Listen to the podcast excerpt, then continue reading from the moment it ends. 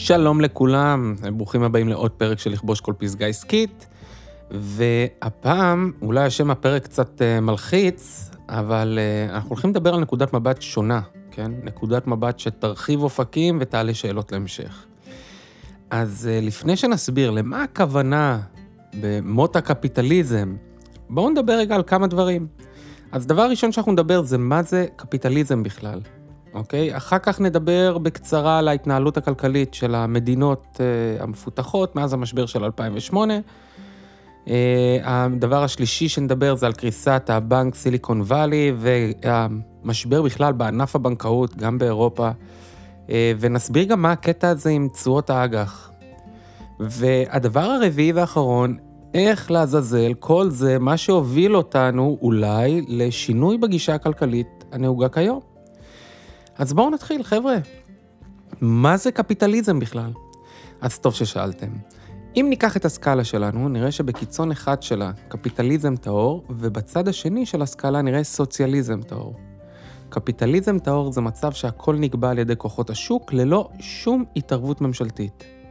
המחירים בשוק נקבעים על ידי ביקוש והיצע, שעות העבודה נקבעים על פי הדרישה של היצרנים, שכר העבודה נקבע בהתאם לביקוש לעובדים ולמיומנות שלהם, כלומר, השוק מתנהל ללא שום התערבות חיצונית של הממשלה.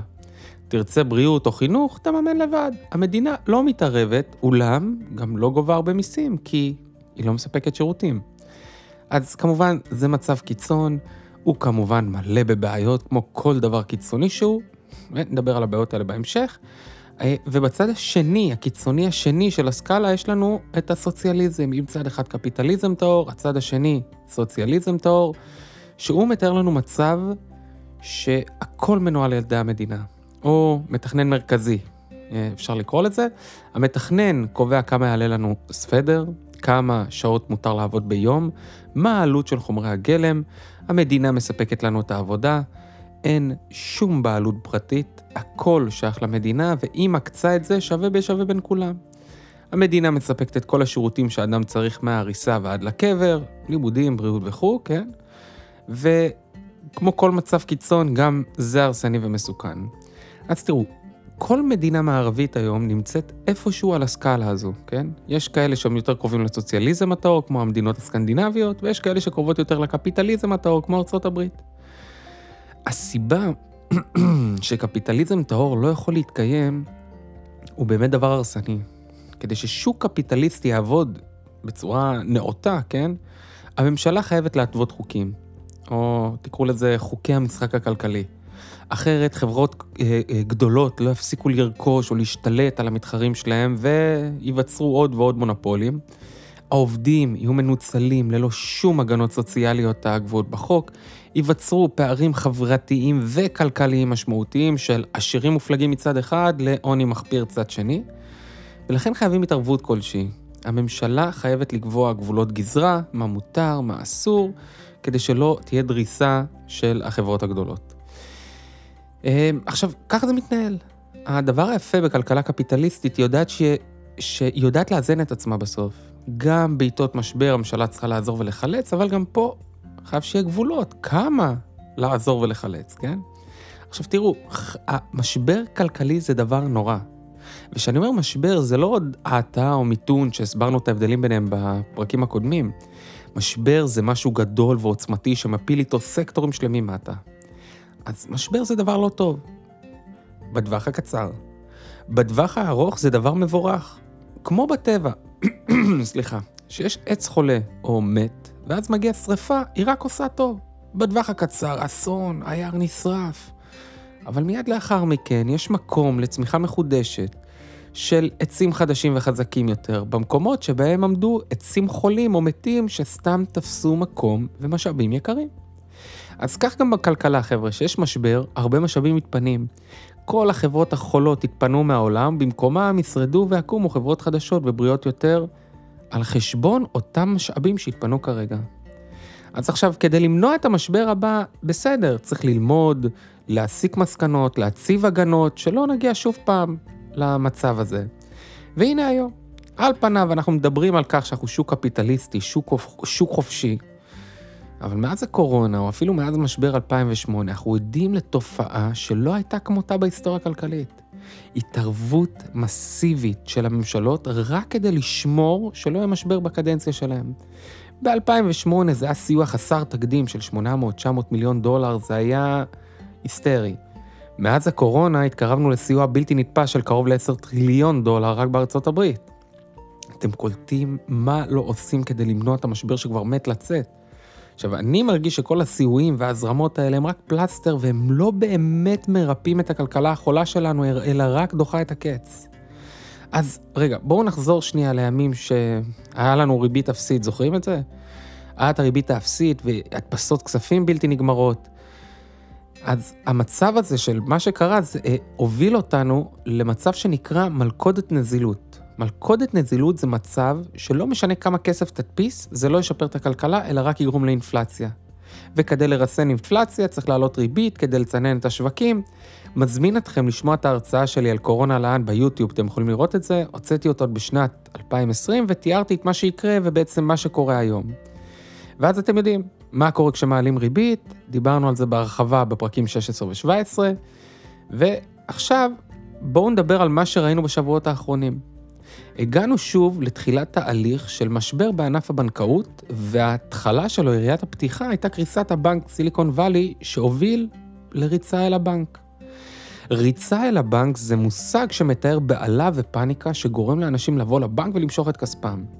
עכשיו, כפי שידוע לכם, בבנק אין את כל הכסף הדרוש, כן? אין את כל מה שמופיע לו בפקדונות, 200 מיליארד דולר, יש לו 200 מיליארד דולר בכספת, זה ממש לא ככה. זה הכל עובד לפי יחס נזילות. מה זה אומר? זה אומר שעל כל שקל שמופקד בבנק, הבנק צריך לשמור רק 0.1 ממנו, תלוי ביחס הרזרבה, כן? בכספות שלו, והיתר הוא פשוט מלווה. עכשיו, זה לא היה המקרה בבנק עצמו, אלא טעות בהשקעות שלו. כפי שאתם זוכרים, הייתה תקופה של הזרמות כספים בקורונה, ולכן לסטארט-אפים היה קל לגייס הון, גם אם הם היו מפסידים. עדיין הצליחו בקלות לגייס הון, ואת הכסף הזה הפקידו בבנק הזה. הבנק, סיליקון וואלי, הוא בנק שמיועד לסטארט-אפים וחברות הייטק.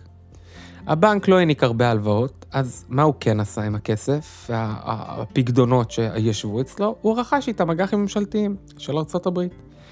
אג"ח זה למעשה מעין הלוואה שאתה נותן למדינה בידיעה שבכל תקופה תקבל קופון, כלומר ריבית, ובסוף התקופה את הערך הנקוב של האג"ח. כעת, איך נמדד התשואה על האג"ח? טוב ששאלתם. לצורך פשטות, נניח שאג"ח לא משלם ריבית, אלא רק קרן. זה נקרא אגב אה, אג"ח אפס קופון או מק"מ, מלווה קצר מועד עד לשנה, אלה אג"חים שאתה קונה אותם בדיסקאונט, בניכיון, כן? ואתה תקבל נניח 100 שקלים בסוף התקופה, אבל בוודאות אם אתה קונה אותה היום זה יהיה פחות מ-100. והתשואה זה הפער בעצם. אז בואו ניקח דוגמה. נניח, נניח שהערך הנקוב הוא 100, כמו שאמרנו, כלומר תקבל בעוד שנה 100 שקלים, והיום הוא נסחר בשוק ב-98 שקלים.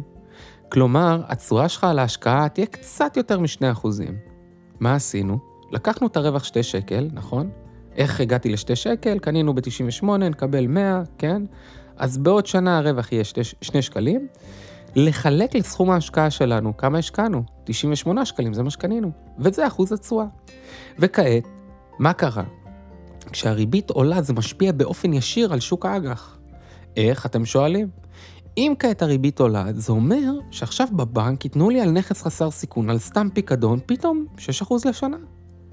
אז אוטומטית אנשים יוציאו את הכספים שלהם משוק האג"ח, יממשו את האג"חים הממשלתיים שהם מחזיקים, ויעבירו לבנקים או לאפיקי השקעה אחרים. מה שהוביל לירידה במחיר האג"ח ולעליית תשואה על האג"ח. הבנתם?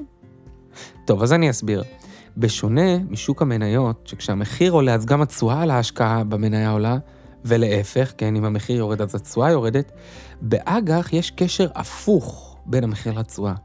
כשהמחיר יורד, התשואה עולה. תחשבו עכשיו, אותו אג"ח כעת נסחר ב-90 שקלים, אוקיי? אך עדיין בסוף התקופה אתה תקבל 100. זה לא השתנה. אז התשואה שלך עכשיו תהיה 10 שקל, אוקיי?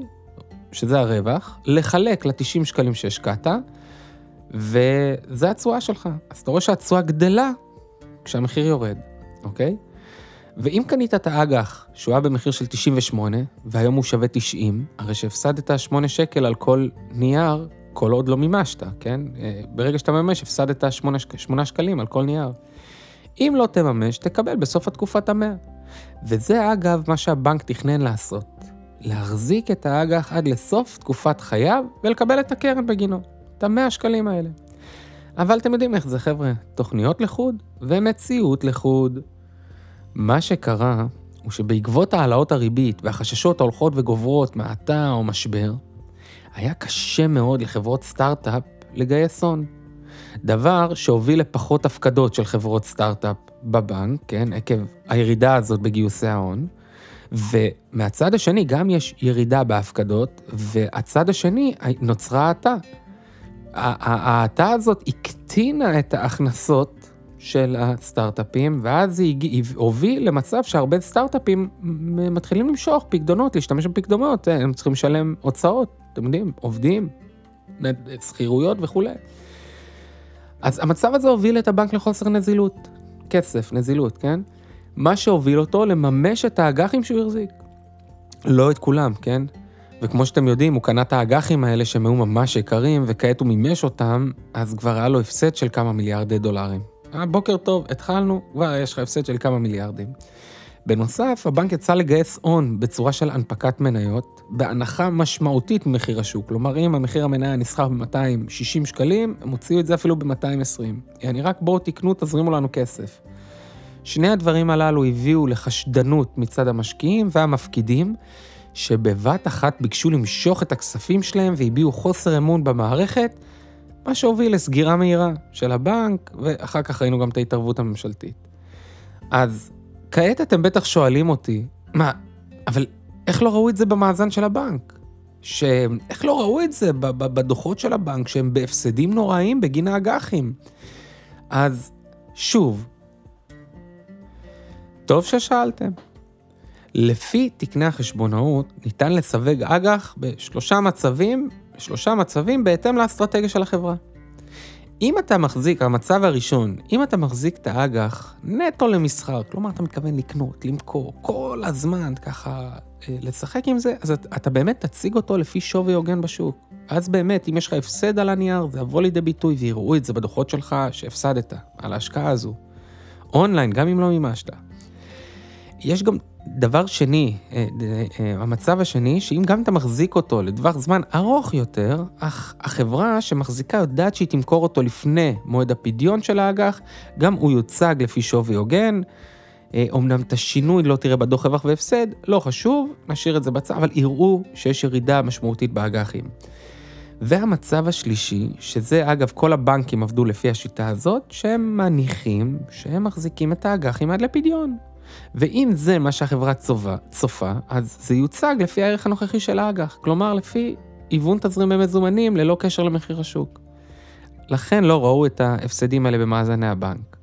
אז לענייננו, הבנק קרס, בהתחלה הרשויות התמהמהו, לעזור, לא לעזור, רוב הפקדונות לא מפותחים בכלל, מבוטחים בכלל.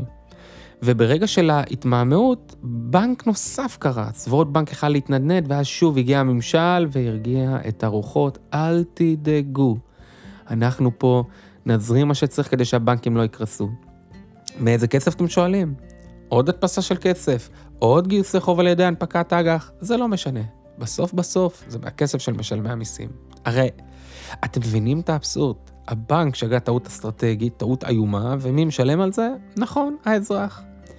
אגב, בבנקים באירופה אנחנו חווים כעת את אותו דבר. הבנק השוויצרי הגדול ביותר, שם מצאו שחיתויות והרבה ריקבון שהיה בהתנהלות של הבנק. אז משבר האמון שלנו בבנקים כבר אמרנו. אז לענייננו חבר'ה, קורונה, הדפסות וסיוע בלתי פוסקים, מכאן הגענו לאינפלציה שלא מצליחים להשתלט עליה. קריסת בנקים, שגם אותם מגינים עליהם על ידי הזרמה נוספת של כסף, שהוביל להמשך עלייה באינפלציה, שתוביל להעלאה בריבית, שתוביל לסקטורים אחרים לקרוס.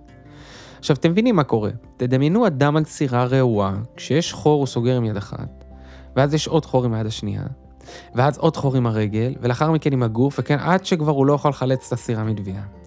השאלה היא מה החוקים כעת? רגע, אם אני מספיק גדול וחשוב, אז כוחות השוק לא רלוונטיים אליי? המדינה תחלץ אותי? גם אם ההחלטות העסקיות שלי כאלה כושלות, אז, אז רגע, זה לא קפיטליזם. איפה הדבר הזה הולך להתפוצץ? אז אני אגיד לכם איפה אני חושב שזה יתפוצץ ולא יוכלו יותר לעזור. כשגוף, גודל, גד, כשגוף גדול קורס כמו בנק, יחלצו אותו, גם במחיר של עוד אינפלציה והעלאת ריבית. אך אם זה אנחנו, האנשים הפשוטים שכבר לא נוכל לעמוד יותר בהחזרי המשכנתה שפשוט הולכים וגדלים כל חודש בעקבות העלאות הריבית, תוסיפו לזה קיטון בהכנסות והראה לכם מתכון ברור לקריסה שאני מבטיח לכם שלא תקבלו שום סיוע. ברגע שהמכה תבוא מהעם, שכבר לא יוכלו להחזיר את ההלוואות שלהם, מה שהוביל לקריסת הגופים המלווים, כאן אני חושב שאף אחד לא יוכל לעזור. כאן תקום אולי ההפיכה שתקרא לשנות את הגישה הכלכלית הנהוגה היום. אגב, תמיד אומרים שהכלכלה היא נגזרת של ההתנהגות שלנו. הכלכלה היא נגזרת של צורת הממשל. חשבתם על זה שגם הדמוקרטיה קצת מעורערת? תראו מה קורה בהרבה מדינות. הפגנות נגד ממשל, בחירות לעיתים תכופות, חוסר אמון מוחלט של ציבור בשליחי הציבור שלהם, כמו גם במערכת הבנקאית. הפרק הזה יכול גם להיקרא אה, מות הדמוקרטיה. אולי זה הכי נוח, אבל חבר'ה, עזבו פוליטיקה. אני לא מדבר על הרפורמות שקורות היום, אבל תראו את הפילוג, תראו את החוסר הסכמה המוחלט בגישה המדינית. זה גם משתקף בגישה הכלכלית. כמו שהדמוקרטיה היא רק המלצ... המלצה, כן? הדמוקרטיה היא רק המלצה. הרוב בחר ימין, אבל היתר לא מסכימים. אז חבר'ה, זה לא דמוקרטיה. מה, מה קורה פה? אז כמו שבכלכלה החברה מפסידה אבל לא נסגרת, אתם מבינים, זה לא קפיטליזם. עכשיו, הדמוקרטיה או הקפיטליזם, זה לא משהו שהיה פה מאז ומעולם, ממש לא. אלה דברים יחסית חדשים. חיו אלפי שנים בגישות ממשל שונות וגישות כלכליות שונות, עד שאלה לא התאימו לצורת החיים והשתנו והותאמו לצורת החיים שמתאימות לאותה התקופה. דיברנו על כך בפרק הראשון, שהגישה הזו של שוק חופשי התפרסמה על ידי אדם סמית בספרו עושר העמים בשנת 1776. עד אז חיו בצורה אחרת לגמרי. מי ידע בכלל מה זה שוק חופשי? איך, מה, השוק ידע לנהל את עצמו? חייב מתכנן. אז אולי היום הגישה הזו של כלכלה שמושתתת על הלוואות וצריכה כבר לא מתאימה לנו יותר? אולי הגישה הזאת נהייתה הרסנית. כדור השלג הזה של החוב שהולך ותופח לממדים היסטריים כבר לא יכול להחזיק יותר עד שהכל ייפול. אבל גם אם הכל ייפול, איזה גישה כלכלית מתאימה לימים האלו? מתאימה לצורת החיים שלנו? תראו, אני מאמין שהלוואות וצריכה עדיין יהוו את המשקל הגדול של הכלכלה, אבל זה יהיה מבוסת אחרת, זה יהיה מנוהל אחרת. מאז משבר 2008 ראינו איך התחום הזה של הנדסה פיננסית, כן, לקח הלוואה תמימה ואותה הוא מינף למכשירים פיננסיים מורכבים. דיברנו על איגוח, איגוח זה, זה מתוך הנדסה פיננסית, כן, בפרק 4 על הנדל"ן, זה דוגמה להנדסה פיננסית, מה שעשו אז. לקחו תזרים מהלוואה כלשהי והפכו את זה לנייר ערך, ליצור על מהלוואה עוד הלוואה, ואז הלוואת גישור שמספקת הון עצמי למשכנתה, שכנגדו אפשר להנפיק אג"ח מגופה משכנתאות, שכנגדו אפשר להנפיק עוד אג"ח מדרגה נמוכה יותר, שמגובה באג"ח הקודם. וככה ממשיכים לנפח את בועת ההלוואות שלנו. אז בעולם החדש, כמו שאני רואה את זה, כן? אין לי ספק שלמטבעות הדיגיטליים יהיה משקל גדול בכלכלה החדשה לי כשתקום. כמובן, כמו שהזכרנו בפרק השני, חייב שתהיה פיקוח ובקרה נאותה על המטבעות. אך כצורך, האנושות זקוקה למטבעות הדיגיטליים. זה בהחלט יוכל להחליף בנחת את המערכת הבנקאית היום. אותן מערכות בנקאיות שאנחנו רואים שגם קורסות באירופה, ללא ספק תאבד את האמון שלה. כמו גם את האמון בבנק המרכזי, כמו גם את האמון בשליחי הציבור שלנו ועוד ועוד. הכלכלה החדשה, לדעתי, תהיה גלובלית יותר, משטרי מס אחידים בין המדינות, שקיפות מלאה על כל פעולה של כל אזרח בכל מדינה, קלות וגם שקיפות של העברת כספים בין מדינות. השקעה בכל מדינה תהיה קלה וגלויה יותר כלפי הרשויות המקומיות. לא יהיה יותר כסף מזומן.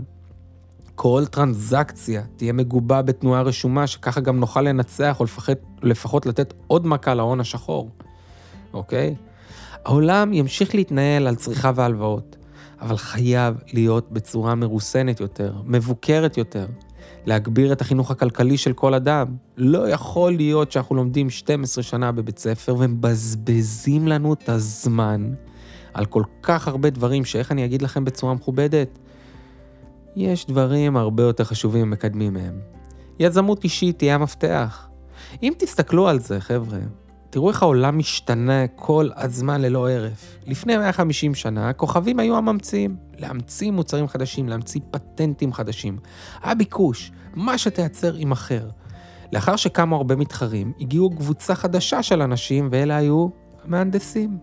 הם פיתחו את המוצרים שיהיו איכותיים, אה, אה, אה, איכותיים יותר, מהירים יותר. המנהלים הבכירים היו מהנדסים, זה היה בשנות ה-50 של המאה ה-20, אגב. לאחר שהחברות התייעלו ועצרו מוצר פגז, שהגיע לתקרת איכות, אמרו, אוקיי, מי, איך, איך, איך יקנו? בואו נוריד מחירים. רוצים להוריד מחירים? הנה, אנחנו כאן. אז המנהלים היו כלכלנים ורואי חשבון, ששיפרו ללא הרף את העלויות, את התהליך ייצור, ואז, כשזה הגיע, כבר כולם התחילו להוריד מחירים, הגיעו אנשי השיווק. הם לקחו את המושכות, הם נהיו המנהלים הבכירים, איך לגרום לך לקנות יותר, קנה שתיים, קבל שלוש. היום זה כבר מיומנות אישית, זה יחסי אנוש שלך מול האחרים, סביבה מקושרת ועוד דברים לפרקים הבאים. בקיצור, חבר'ה, הסביבה משתנה. החוקים הכלכליים משתנים כל הזמן, שוק העבודה משתנה ללא הרף, אנחנו רואים את זה במיוחד לאחר הקורונה. אז לסיכום, אנחנו עדים לתקופה ייחודית בהיסטוריה הכלכלית. אנחנו עדים למשהו שאף פעם לא התרחש. אותי אישית זה מרגש. מה הולך להיות? דעתי שאנחנו עדים לתקופה של אי ודאות היסטרית, שתוביל למשבר אמון ולירידות חדות, ששום סיוע בטווח הקצר לא יסייע, ויגרור חוסר אמון מוחלט של הציבור, וזה יגיע אחרי שמשקי הבית יקרסו, ולא הבנקים והחברות שינצלו כל פעם מחדש. אז אחרי שמשקי הבית יקרסו, יהיה את התיקון שאנחנו מדברים עליו, ואני חושב שהעליות שהתרחשו לאחר הירידות הגדולות האלה, יהיו דווקא במטבעות הדיגיטליים, בראש ובראשונה. אך לפני כן חייב להגביר את הפיקוח הנאות והרגולציה על המוצר החשוב הזה. אז עד אז, חברים, אני מאחל לכולנו להיות בצד הנכון של המתרס, להישמר מרע ולעשות טוב. אוהב אתכם, חבר'ה. נתראה בפרקים הבאים.